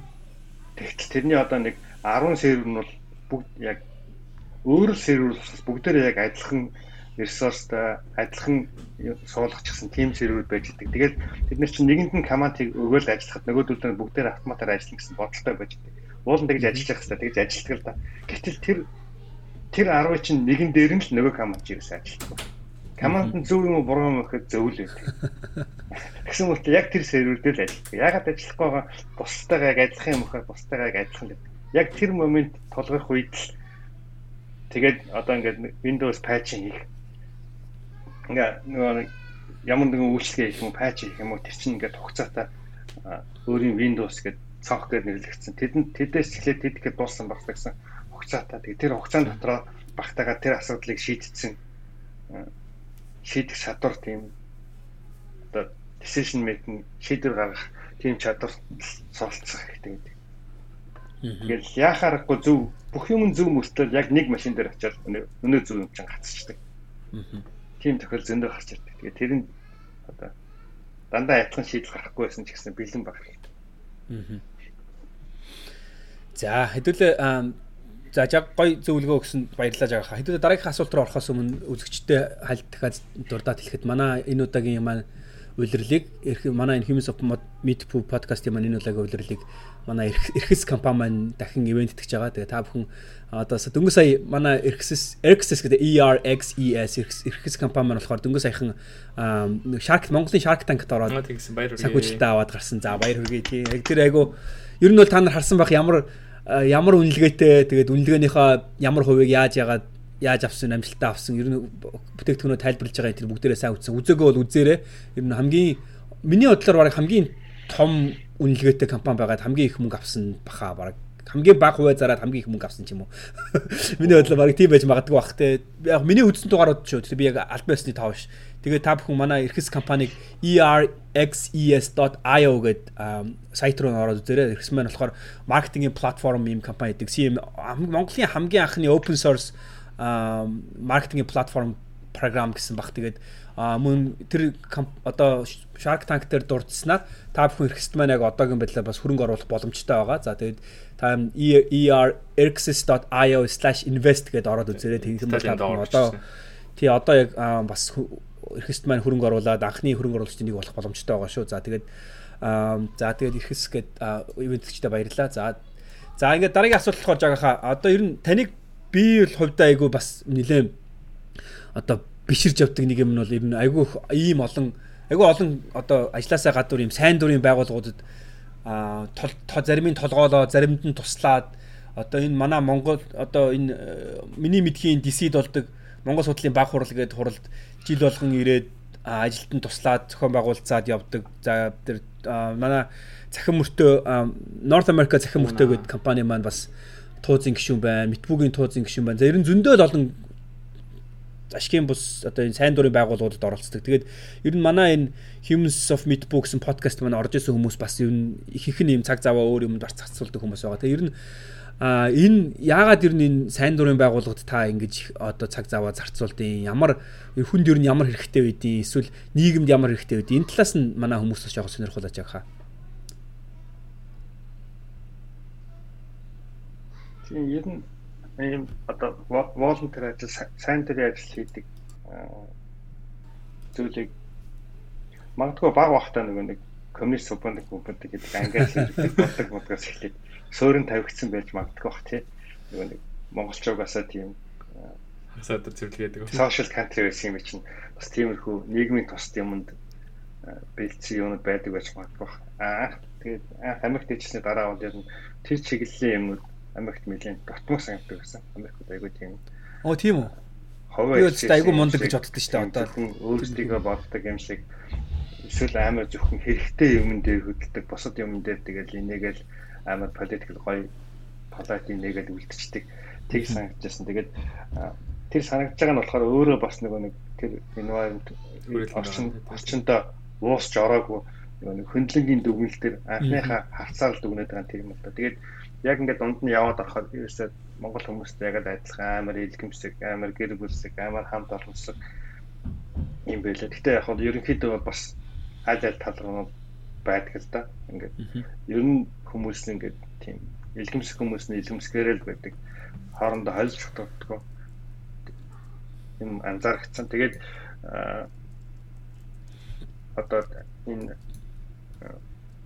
сайн тэр бэлгэний дурдаад байдаг байгууллагуудад холбогдож байгаа миний хувийн бодол сонирхол яагаад гэдэг юм бэ гэхээр бол ер нь тэр байгууллагууд бүгдээ дандаа энэ Америкт байж байгаа монголчуудын одоо манай монгол community-гийн байгууллагууд тэгэхээр тэр тэр чин Америкт байж байгаа монголчууд гэдэг чинь ер нь бол нэг тийм баахан тустай монгол хүмүүс Монголоос гараад ч юм уу байж байгаа биш. Бид нөр өөрсдөө мөн шүү дээ тийм. Тэгээд ямар нэгэн юмыг бид нөр өөрсдөө хийж явах хэрэгтэй. Өөрсдөө л бий болгож бүтээж өөрсдөө л цаг гаргаад амжуулчихгүй бол өөр хинч хийж өгөхгүй. Тэгэхээр энд ингээд бусад Америкт байж байгаа бусад үндэстнэр чи айгүй гоё гоё комьюнити хүчтэй зөндөө юмнуудыг харж яадаг, жишээлээд яриад байдаг.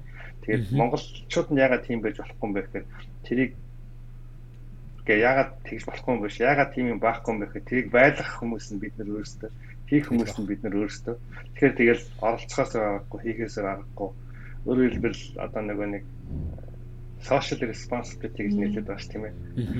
Тэрний л одоо хов хүний төвшин дээр л тийм гэсэн. Тэгэхээр юу гэдэг хүүхдүүдээ илүү Монгол зан заншил илүү сайн мэддэг хэлхэмсэг одоо гэр орныхныхаа найс нөхдөд боддог, улс мосоо боддог тийм хэмжээнд бойжуулж өсгөж яхахын тулд тийм орчингийн би гэр орондоо бий болгох хэрэгтэй. Тэгээ мэдээж өдөр өдрийн 8 цаг юм уу 7 хоногийн 40 цагаа би хүссэн ч хүсээгүй ажилдаа зарцуулж байгаа. Тэгээд тэр завсраа боломж олдоод цаг гаргах нь боломж олдоогүй бол үлдсэн нөгөө цагуудаас нь одоо юм за нэг 8 минут унтах бах тий. Бас нэг нэг хоёрын бол бас нэг идэж явах бах. Гэт тэгэл тэр үлдсэн цагаа цагаасаа ингээд янз бүрийн юмд одоо зөв тайм менежмент хийж байгаа л тэр олон байгууллагатай холбогдож хэрэгтэй баг. Тэгээд тайм менежмент гэснээс ер нь бол тайм менежментийг би өөрийгөө яаж зохицуулж чаддаг. Би бол таныг сайн хийдэг юм шүү дээ. Ийм олон нэг тайм менежмент тийм амар сахилга баттай. Яг л тэдэс тэдний хооронд тим хийнэ гэсэн бол яг тэрийг хийдэг л хүмүүс байх. Манай ажил дээр зөндөө их тийм манай гэрт хүртэл тийм хүн байдаг. Тэгэхдээ би болохоор тэднэртэй харьцуулахаар амар замбраагүй ирнэ. Аа тэгээд яг хөө зүгээр том том зургаар нь ингээд bigger picture том зургаар нь харах юм бол бас замбраагүй байсан ч гэсэн гараас юм гарчихсан.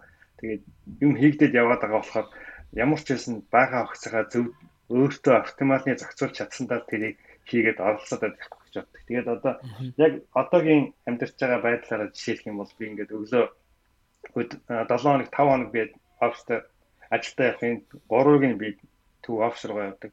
Хоёрыг би өөр тишээ машин бариад өөр офис явдаг. Тэгээд төв офис руугаа явахдаа вагоноор явна.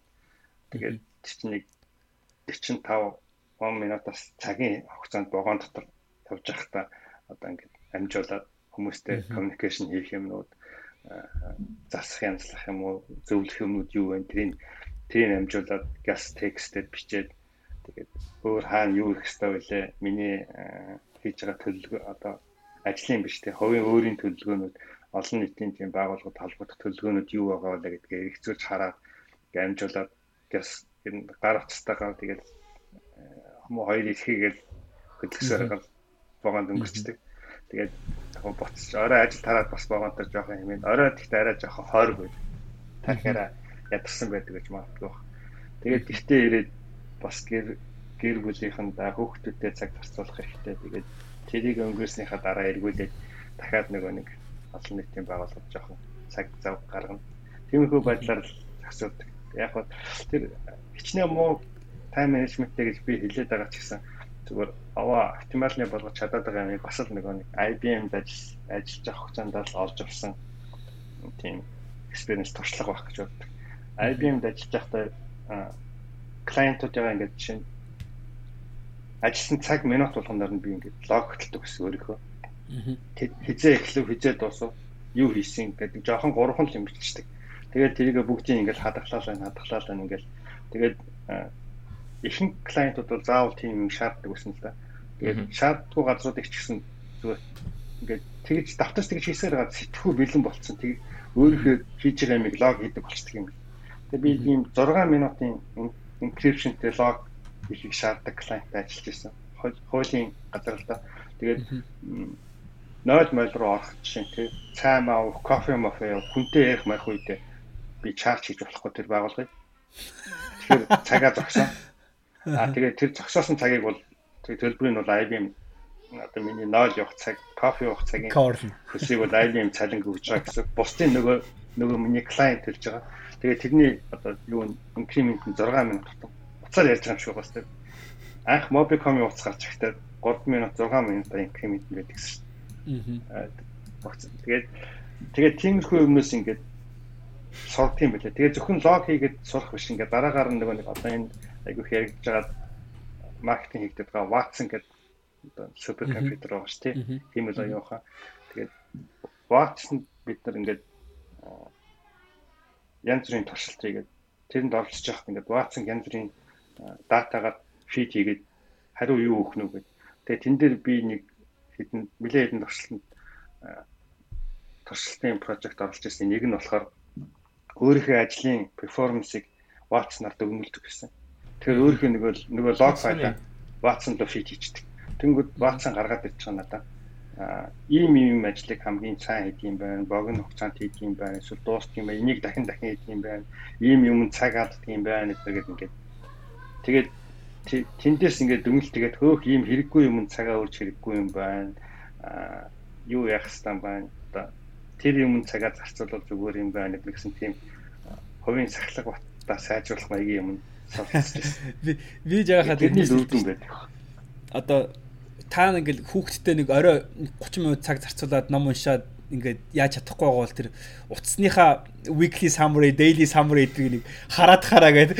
Юу цагаа явуулаад нэг тийм. Өдөрт хэдэн цаг та одоо social зарцуулж ийн эсвэл тэр Netflix зарцуулж ийн. Тэр чи одоо баг одоо ер нь хүмүүсийн дунд чи ер нь нэг цагаас 2 цагийн хооронд болц. Тэгээ 2 цаг та одоо өдөрт утсан дээрээ зарцуулж байгаа бол нэг 15 минут 20 минут яг тийм quality time хүүхдэд зарцуулъя гэдэг. Энэ хүн болгон тэгж хэлдэг. Тэгэл хүмүүс тэнгууд хүмүүс утсаа хараад пүү нэрээ тийм биш дээ арай дидтэй гэж тэгдэг. Тиймэрхүү нөгөө нэг өөрийг чи ингээд дүгнээд буцаагаад өөрт чи хэлж байгаа юм чи нөгөө нэг ширүүнд хатууч гэсэн юм айгу зүгээр өөрт чи ингээд гинт ингээд тархинд чи болдог. Тэн дээр бол би айгу санал хэлж байна. Тэгээд дараагаар нөгөө нэг тийм юу гэдэг юм олон нийтийн байгууллага ч юм ажил мэдлийнхаа юм дээр хүртэл юм ажил дотроо хүртэл чинь волонтер гэдэг мамир хийгдэг. IBM өөрөө хийж байгаа үндсэн үндсэн прожект ажлаас гадна бусад юм руу одоо өөрийнхөө сайн дураар оролцох тийм юм зөндөх гарч ирдэг. Тэгээд тэгээд чинь тийм юм нэг оролцоод ингээ сонирхолтой ч юм уу эсвэл зүгээр дуртай ч юм уу гэхээр өөр ингээ бодоодсэн чинь ягаад тийм рүү халтгаад орчихгүй хүн ингээ юм гуугаад юм хэлээ чи нэг энийг оролдооч энийг яах хараад гэж гэхээр ерөөсөө үгүй гэдгүй байсан юм билээ. Үгүй гэж хүнд хэлж чаддгүй. Тэгэл заа гэж заа гэж заа тэгээ заа гэлээд тэгээд нэлээд хэдэн жил ажиллаад нөгөө лог мог янз юм харж байгаад хүнд үгүй гэж хэлж сурсан. Би олон юм чадахгүй байсан гэсэн үгүй гэж хэлж чаддгүй тэгэл би хүн хотлоо хэлсэн ч гэдэг юм яа тийм заа гэсэн үг өнөөх оролдоогүй байж тэгээд энд нэг юм бодогдаад байдаг би тийм их стаж тэгээд эсвэл нэг дараа листний болно гэж хэлсэн. Тийм их стаж шоу гэл. Нөгөө нэг яваад байдаг тэгэхээр тийм юм явуулахгүй хамгийн сайн арга бол эхнээсээ л заа гэж хэлэх скол юм билээ. Наач харин зүгээр adaptive чүр юм биш үү? Би бас би бас тэрэндээ юм боо шүү дээ. Тийм. Тиймэрхүү юм сонин сонин ингээд одоо өөрөө эргээд бодохоор сонин сонин утгагүй юм шиг юмнууд амьдралд өөрөө айгүйх сургамж өгсөн юмуд байдаг. Би бас дахиад нэг өөр жишээ хэлэх юм бол одоо би тэр арга хэрэглэдэггүй л дээ. IBM-д яг нэлээд тийм эхний жилүүд биш нэлээд сүүлийн жилүүд рүү юм байна. Нэлээд одоо юу гэдгийг seniority сайжирчихсан professional төвшөнд хүрсэн үедээ одоо яадаг байсан гэхээр бусад үедээ одоо ч гэсэн би ингээд хамгийн түрүүнд ажилдаа очил ажлын хамгийн түрүүнд имэйл шалгадаг шүү дээ. Хүн болгон дээр тэгэлээ. Тэгэхээр би ерөөсөө тэхээ болчихсон.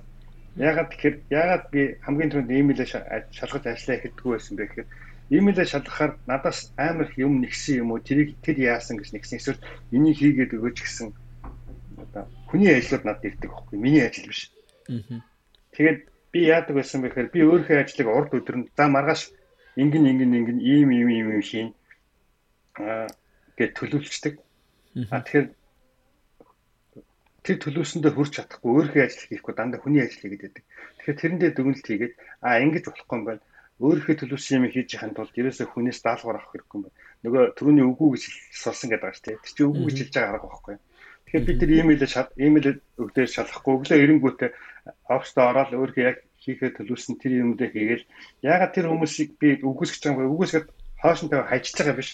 Тэгээд нэг цагийн дараа юм уу 2 цаг 3 цагийн дараа би өөрийнхөө төлөвсөн юм дуусны дараа имэйлээ шалгаад тэгээд тэдний нэрэн нөгөө хүмүүсийн юмудын эрэм гаргаад өөрийнхөө төдөө лист рүү оруулаад тэр нь тэгээ миний ажил болж байгаа гэсэн.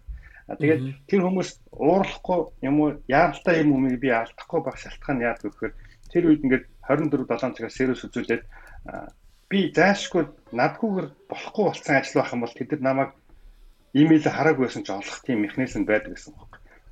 Намайг пэйжээр дуудаж болно эсвэл дарагт хэлж болно Тэгээд дарга миний утсыг мэднэ. Над руу ярина. А тэгэл тэр намайг олж чад гаргыг мэдгүй хүмүүс одоо яаж гэвтэй тэгээд. Аа. Тэг би яг иймэрхүү бас тиймэрхүү нэг э, зөвлөгөө нэг нөгөө нэг хитэн цаг 7 хоногийн хитэн цагийн ажилч үлээ нэг тийм ном байдаг шиг 4 hour work week үлээ 10 hour work week үлээ. Тэн дээр бас нэг зөвлөгөө нь тийм өдөр өд хүртэл имэйлээ бити шалгах гэсэн тийм байсан. Тэгвэл таны таны үед яг л яг л нийлж тий. Адилхан олсон сургамж байна да. Тэрнээс нь тэгвэл холбоотой жаагаха юу одоо сонсож байгаа үзэж байгаа хүмүүст бас бэлгүүнээ битээр санал болгох таны одоо санал болгох ном ч юм уу бичлэг ч юм уу тийм зүйлс байна. Одоо сургууль сураад авахар юм уу, уншаад авахар тийм зүйл юм. Мэдээж олон ном л байгаа. Гэхдээ яг танд одоо энэ номыг заавал та нар уншаарай гэх зүйл юу байна? Тийм надад одоо юу гэдэг энийг л заавал уншаарай гэдэг нэг юмыг онцлж монцч хэлээд байх тийм юм баг топ топ гардгаа. Тэгээд ерөнхийдөө одоо хүмүүс ер нь унших амар дургу болчихсон одоо. Тэгээ би тэрний айгүй эсрэг. Ер нь амар их уншчил ах хэрэгтэй. Өөр ямар ч арга байхгүй уншихаас. Чи уншихгүй л байгаа юм бол чи олон унших дургүй болно. Уншаад ч юм хүлээж авах одоо тэр чадвар гэж арай хэлж болохгүй зүгээр юм хүлээж авах арга барил чи өөрчлөгддөг байхгүй. Тэгэхээр ингээд богинохон видео үзэл ах юм бол ер нь яг хаа хэрэгтэй мэдээлэл газ газ олж авч байгаа тийм арга видеогоос олж авч магадгүй л баг л та. А тэгтэл ер нь юмыг уншиж аваад хэрэггүй юм уншаад байвал бас хайрна тий. Тэгэхээр ингээд уншиж байгаа юмнаас хэрэгтэй юм түүж авдаг тэр чадвар өдрөө чинь чадвараа хүн хадгалж байхын тулд юу уншчил ах хэрэгтэй. Би өөр төрөж жишээлх юм бол би одоо ингээд бал барьж аваад юм уу бал үзэг цаас харандаа барьж аваад юм тэмдэглэх тийм чадвар надад амар муу болчих. Би айгүй юм тэмдэглэдэг, айгүй хордон тэмдэглэдэг гэсэн. Оюутан багтаа эднэр. Тэгсэн чи одоо болохоор ер нь нэг жаахан код цаасан дээр бичвэл бичин тэгээд юм тэмдэглэж байгаа чадвар ер нь айгүй бага болсон. Тэгээд тэрийг би юудаг холбохоор нөгөө юм бичихгүй бичихгүй байгаа л хаа тэгээд юм болгон keyboard бариад эсвэл утсан дээр хоёр ихгээрээ газ газ бичээл хурдан бичиж мэлж байгаа нь амжилттай гоё юм шиг мөртлөө яг үндсэн тэр үзэг бариад ингээд бичиж байгаа чадвараа тэгээд гээцэн ингээд. Аа. Тэгэхээр тэрнтэй яг төстөгөр ингээд юм унших чадвараа орхичих юм бол хичнээн хэрэгтэй номч байна уу? Тэр дундаас уншаад уншаад дотроос нь хэрэгтэй юмдээ түүж олж авч чадахгүй болчвол тэгээ харамсалтай шүү дээ. Нэг талаас нөгөө талаас тэгээ угаасаа нэг хүнд нэг номыг чи ер нь хүн болгон өөр өөр уншаад өөр өөр өнцгөөс харж болох. Нэг хүн энэ ч яг галзуу гоё ном гэж хэлжсэн ч гэсэн нөгөө хүнд бол тэр галзуу гоё поинтыг олж харахгүй ч гэж магадгүй эсвэл олж харсан ч гэсэн тэр нь аа юм сүртийн юм байж л байдаг шүү дээ гэдэг чинь байж зөндөө гардаг. Тэрнээс энэ ном уншихаас бол одоо ер нь уншаал ах. Аа хүмүүс айгүйх аудио сонсдог болсон байлээ яг цаг хэмнээд гоё л байдаг. Би нэг хэсэг машинда явж байхдаа вагонд бид нар бас аудио сонсч ирсэн. Ном уншснаас гоё санагдаад нэг хэсэг жоохон тэгжсэн. Эргээд нөгөө нэг унших дадал янз бүрийн алдагдаад байх юм уу гэдээ эргүүл. Жоохон уншихаа гэдэг бол бас яг тэгж боддог байхгүй. Видео одоо аудио энэ чинь айгу тийм хүний ирэхээр те нэг за яг нэг 2x-ж байгаа 3x-ээс сонсч одоо англи хэлий чинь бол за ер нь 2x-ээс дээш бол би угаас давж чадахгүй тэгэл 1x 1.5x за өсрөөл 2x боллоо. Тэгээд видео энэ чи яг нэг юм хүн цаанаас нь бэлдээ за одоо энийг хар за одоо энийг хар энийг хар гэдэг хүний ирэхээр яг өөрөө уншихаар ч болохоор яг өөрийнхөө ирэхээр ингээл за энэ яг энэ яг за ингээд ингээд ингээд явчихна. Тэгээд Тэгэд номыг ч гэсэн заавал тэгэл ном уншихээр барьж аваад бүх хуц солгыг уншаалах шаардлага байхгүй шүү дээ. Ерөөхдөө номоо ингээ хараад за нэг иймэрхүү ном байна. За ингээ ингээ явчих гэдэг. Тэгээ би н одоо хүмүүс ч нөгөө нэг видеог ч гэсэн бас нөгөө нэг хэсэг чинь аягүй видео хичээл рүү хушуурлаа шүү дээ. Тэгээ видео хичээл чинь болохоор яг нөгөө нэг айгүй удаан ингээд одон дахин видео хичээл ингээ хараадах сүүл дээр нь айгүй удаан юм бэл. Тэрний оронд зүгээр яг текстээр ингээ хараад гүлгээ гүлгээ явчих юм бол тэр видео хичээл үзэж байгаа хурднаас ер нь хамаагүй хурдан. Тийм болохоор буцаад ер нь хүмүүс айгүй уншиж видео хичээлээс аль болох тийм тийм нүдэрээ ингээ уншдаг тийм текст хэлбэрлэл рүү хэлбэрлэл рүү шилжиж байгаа гэсэн миний нэг нэг нэг хальт нэг юм дээрс уншиж байгаа. Тийм видео хичээл би аягүй үздэг ш. Тэгэхээр миний нэг үзэж байгаа онцлог нь гэх юм уу би дандаа нөгөө нэг тайтлын тавьж үздэг. Тэгэхээр үжээд байгаа юм уншаад байгаа юм гэдгийг гэж жоохоо. Тэгээ жоохоо хоцгоо тавьчихаа чинь тэгэхээр хэл дээрээ биш юм дээр үзэж байгаа ш. Тэгэхээр сайн байхгүй. Тайтл нь бол хурдан биш юм чинь тэгтээ дэргүү бүрэн уншигдчихна. Аха. Тэгэж ер нь бол видео хичээлэг амар хүздэг. Тэгээ IBM байж захта бас л сурсан дадлуудын нэг л дээ.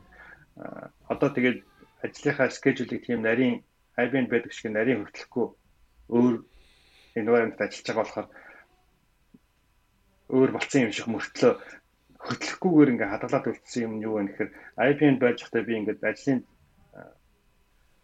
нөгөө нэг юугээ өдрийнхөө скежүүлийг хэдэн цагт хуралтай хизээ юутай байна гэдэг ингээд бүгдийг ингээд хүмүүс хөтлөж байгаа шүү дээ календараа. Тэгэхээр ихэнх хурал мурлыг би өөрөө үүсгэж байгаа ш намайг хүн дуудаал дуудаал дуудаал оруулчихж байгаа.